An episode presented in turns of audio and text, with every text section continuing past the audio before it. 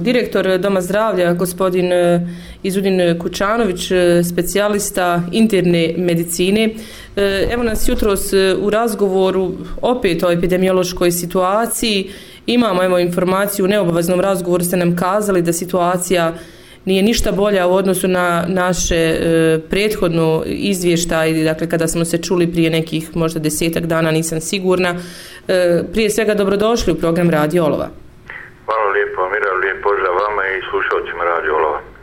Upravo se situacija na papiru i po brojkama koje ćemo vam sad saopćiti, dakle, jeste nešto malo bolje, ali to je rezultat ovog skraćivanja perioda izolacije za osobe koje su vakcinisane sa dvije ili tri doze vakcine. Tako da evo jutros e, 9. Februara 2022. godine mi imamo 76 aktivnih pozitivnih COVID pozitivnih lica u izolaciji se nalazi 140 sugrađana, od toga je 7 u bolnici, odnosno izolatoriju u. Uh -huh.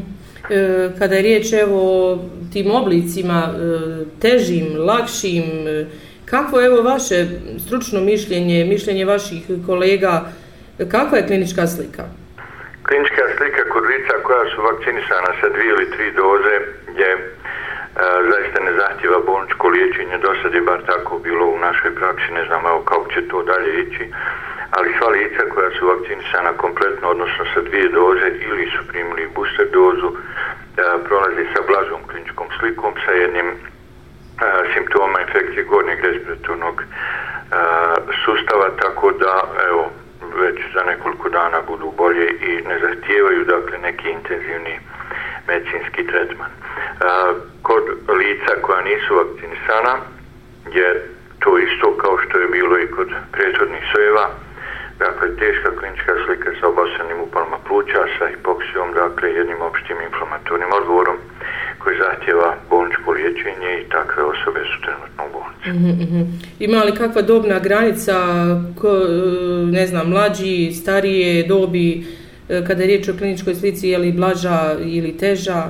Pa ono je obično, dakle, klinička slika do sada, kroz naše iskustvo i iskustvo i ostalih kolega u, u susjednim općinama i, i u regionu, praktično i u državi cijeloj, e, da je kod mlađih osoba e, blaža klinička slika, ali e, pravila nema. Da, dakle, da. Postoji, postoji i kod, i kod mlađih lica, dakle, e, oblici, teški oblici, tako da m, sa ovim se nije igrati. Dakle, vi ste ljekar, specijalista e, interne medicine, možda s vaše stručne strane da kažemo e, koji je to najbolji savjet, evo, mada smo više svi čuli, pročitali svega i svačega, no koji je to neki elementarni savjet svima nama, evo, koji smo prošli i prolazimo ili ćemo proći, jel, e, COVID infekciju?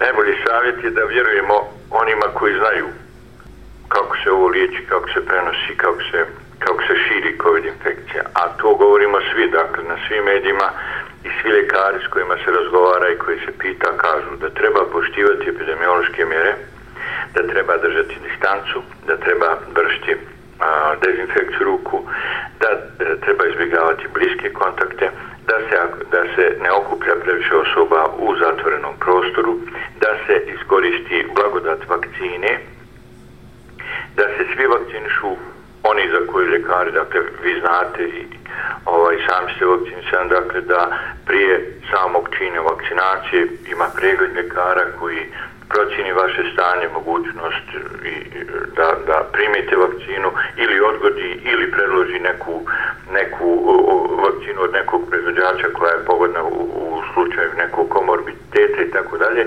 Dakle, to su stvari koje trebamo raditi. Trebamo se uozbiljiti, dakle, trebamo se uozbiljiti, na okupljanje, izbjegavati kontakte, e, uh, vakcinisati se i to je rješenje. Vrlo jednostavno izgleda, ali evo, izađite sad u bilo koji objekat na, na području grada Olova, pa ćete vidjeti koliko se to poštuje. Dakle, niko ništa ne poštuje, a onda se svi žale zašto nam se širi COVID. Malo je situacija, eto,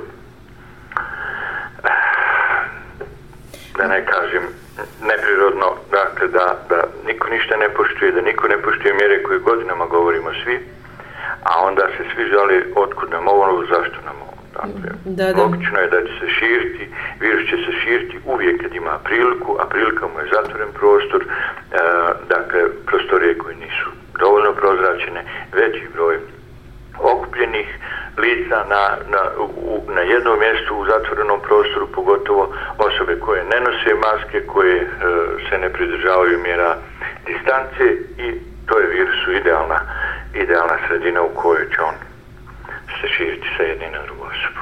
Kakva je trenutna situacija kada je riječ o vakcinaciji? Evo, je li se ta brojka povećala? Kazali ste nam da ćete imati mnogo veći broj vakcinisanih kod naše posljednjeg javljanja. Nisam sad sigurna e, koja je to bila brojka, ali evo, kako teče proces? Pa, proces vakcinacije teče kontinuirano. Dakle, vi znate da mi smo do sad ovaj, e, provodili postupak i sa otvorena vrata i i e, kampanje i akcije preko privrednih subjekata i tako dalje i tako dalje i mislim da smo postigli jedan solidan rezultat kad se poredimo sa nekima nekim drugima, odnosno kad se poredimo sa nama susjednim općinama, sa općinama u kantonu Zeničko-Dobojskom, ali i sa svima, svima drugima. Dakle, to je a, jedan sasvim solidan procenat vakcinisanih lica ako se poredimo s njima.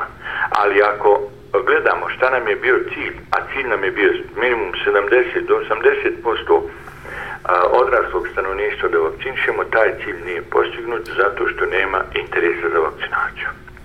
A, mi smo do sada dali 3612 prvih doza, 3530 doza drugih i 483 treće doze. To je 7625 e, doza vakcina je dato s tim da moram podcrtati da nam nijedna doza nije propala i da nismo imali ni jednu ozbiljnu reakciju na dati lijek. Mhm. Dakle, radi se o jednom e, po našem iskustvu, ali iskustvima drugih, e, bezbjednom medicinskom sredstvu koje preporučujemo svima koji, za koji njegov ljekar utvrdi da treba, da može primiti, da je primi. Da. Evo, možete li nam kazati koji je to e, period koji treba da prođe od e, druge e, vakcine da bi se jel, primila ta, ta treća doza? E, to će, dakle, sve utvrditi ljekari koji, koji pregledaju. Važno je da se nama pacijenti, onaj, da se nama pacijenti jave, mm -hmm. da se jave u svoju poručnu medicinu i da oni iskažu želju da, da se ovaj da se vakcinišu. Mm -hmm. To ide period od, od 3 pa do šest mjeseci bi bilo idealno, a do četiri, četiri mjeseca nakon prebolovane COVID infekcije. Pa ja mislim da to nije teško, to da. je mali korak za, za naše zdravlje. Dakle, da, da. svi nas da pokažemo interes onaj, da želimo da primimo vakcinu, da, da se dođe, da se kaže evo ja hoću vakcinu i, i onda tu nema nikakav problem. Jer onaj, mi smo imali kampanje pozivanja pa smo mi onaj, sve one ljude uh, i prije nego što vakcine na nekoliko mjeseci, mi smo uradili anketu svih osiguranih lica na području općine Olovo, dobili smo određene brojeve i sve te ljude smo mi pozvali telefonima. Da, da, da. E... Ponovo ih pozvali i svi su praktično, ne mogu reći svi, ali evo ogromna većina tih ljudi koji su u prvom mahu izjasnili da žele vakcinu, do sada su vakcinisani.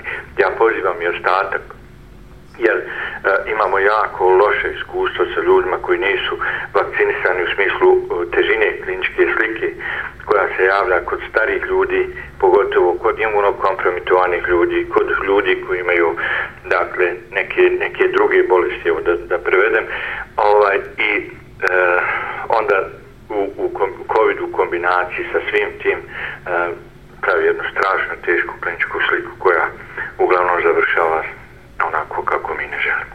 Hvala vam e, puno, doktor, evo na svim ovim informacijama, koliko je to sve. E, čujemo se nekom drugom prilikom, nadam se sa nekim boljim vijestima. Ja se isto tako nadam, čujemo se. Svako dobro vam želim.